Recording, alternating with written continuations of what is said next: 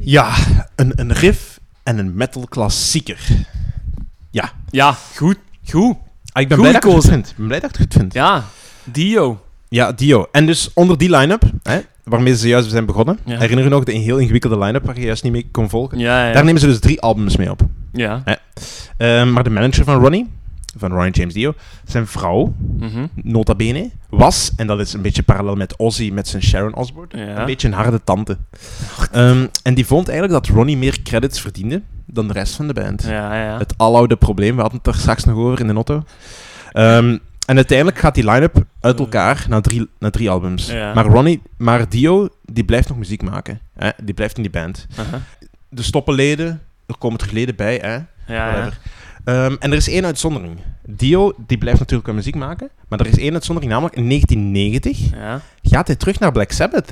Want die hun zanger is ontslaan, zodat ze terug met Dio konden samenwerken. Ja. Eh, en ze maken één album samen, Dehumanizer. Hè, dus dat is de tweede keer dat eh, Black Sabbath dan met Dio samenwerkt. Ja, ja. En de reden waarom het maar met één album bleef, die Dehumanizer, is Ozzy had een retirement tour aangekondigd. Eh, die had ondertussen zijn eigen band gestart Ja. met eh, Randy Rhoads. hè. Herinner u Mr. Crowley? Ja, dat ik ja, ooit heb aangehaald. Randy Rhoads, dat was die fantastische gitarist die gestorven is in een helikoptercrash, Ja. s'nachts. Ehm ja, heel stom. Oh, jongens. Ja, en dus, maar Ronnie die weigerde voor de retirement tour van Ozzy onder Black Sabbath te spelen voor hem. Die dacht van, ja, stomme aansteller, eh, ga Stop. gewoon stoppen als je dan echt retired.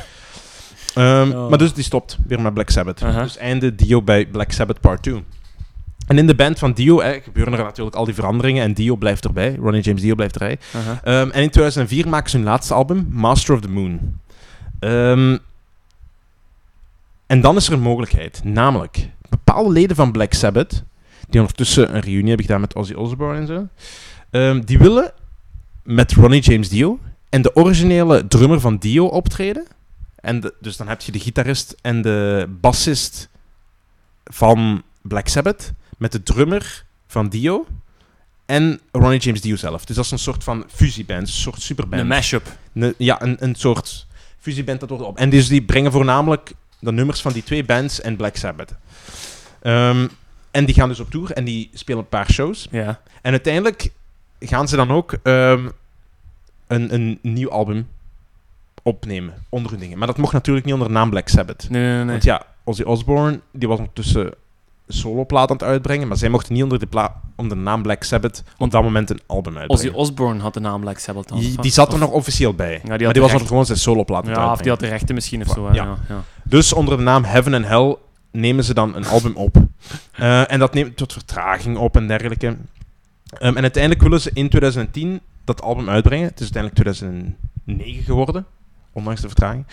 Ehm, moest het niet zijn dat het onvermijdelijke gebeurt. Dio sterft aan maagkanker. 2010 zeker, hè? Eh 2010 of 2009, denk ik. Ah, ja. Ik denk misschien Ja. 2009. Eh, want in dat jaar brengen ze nog dat album uit dat ondertussen in productie was. Of, of nog niet helemaal af, maar eigenlijk praktisch Mhm. af. Ehm, maar dus, ondanks dat Dio sterft, leeft hij voort in al die band. Is hij een metal cultheld, een grote metal held eigenlijk voor de eeuwigheid. En er zijn nog andere voorbeelden waar je Dio van kent. Namelijk, ik ga hier iets afspelen.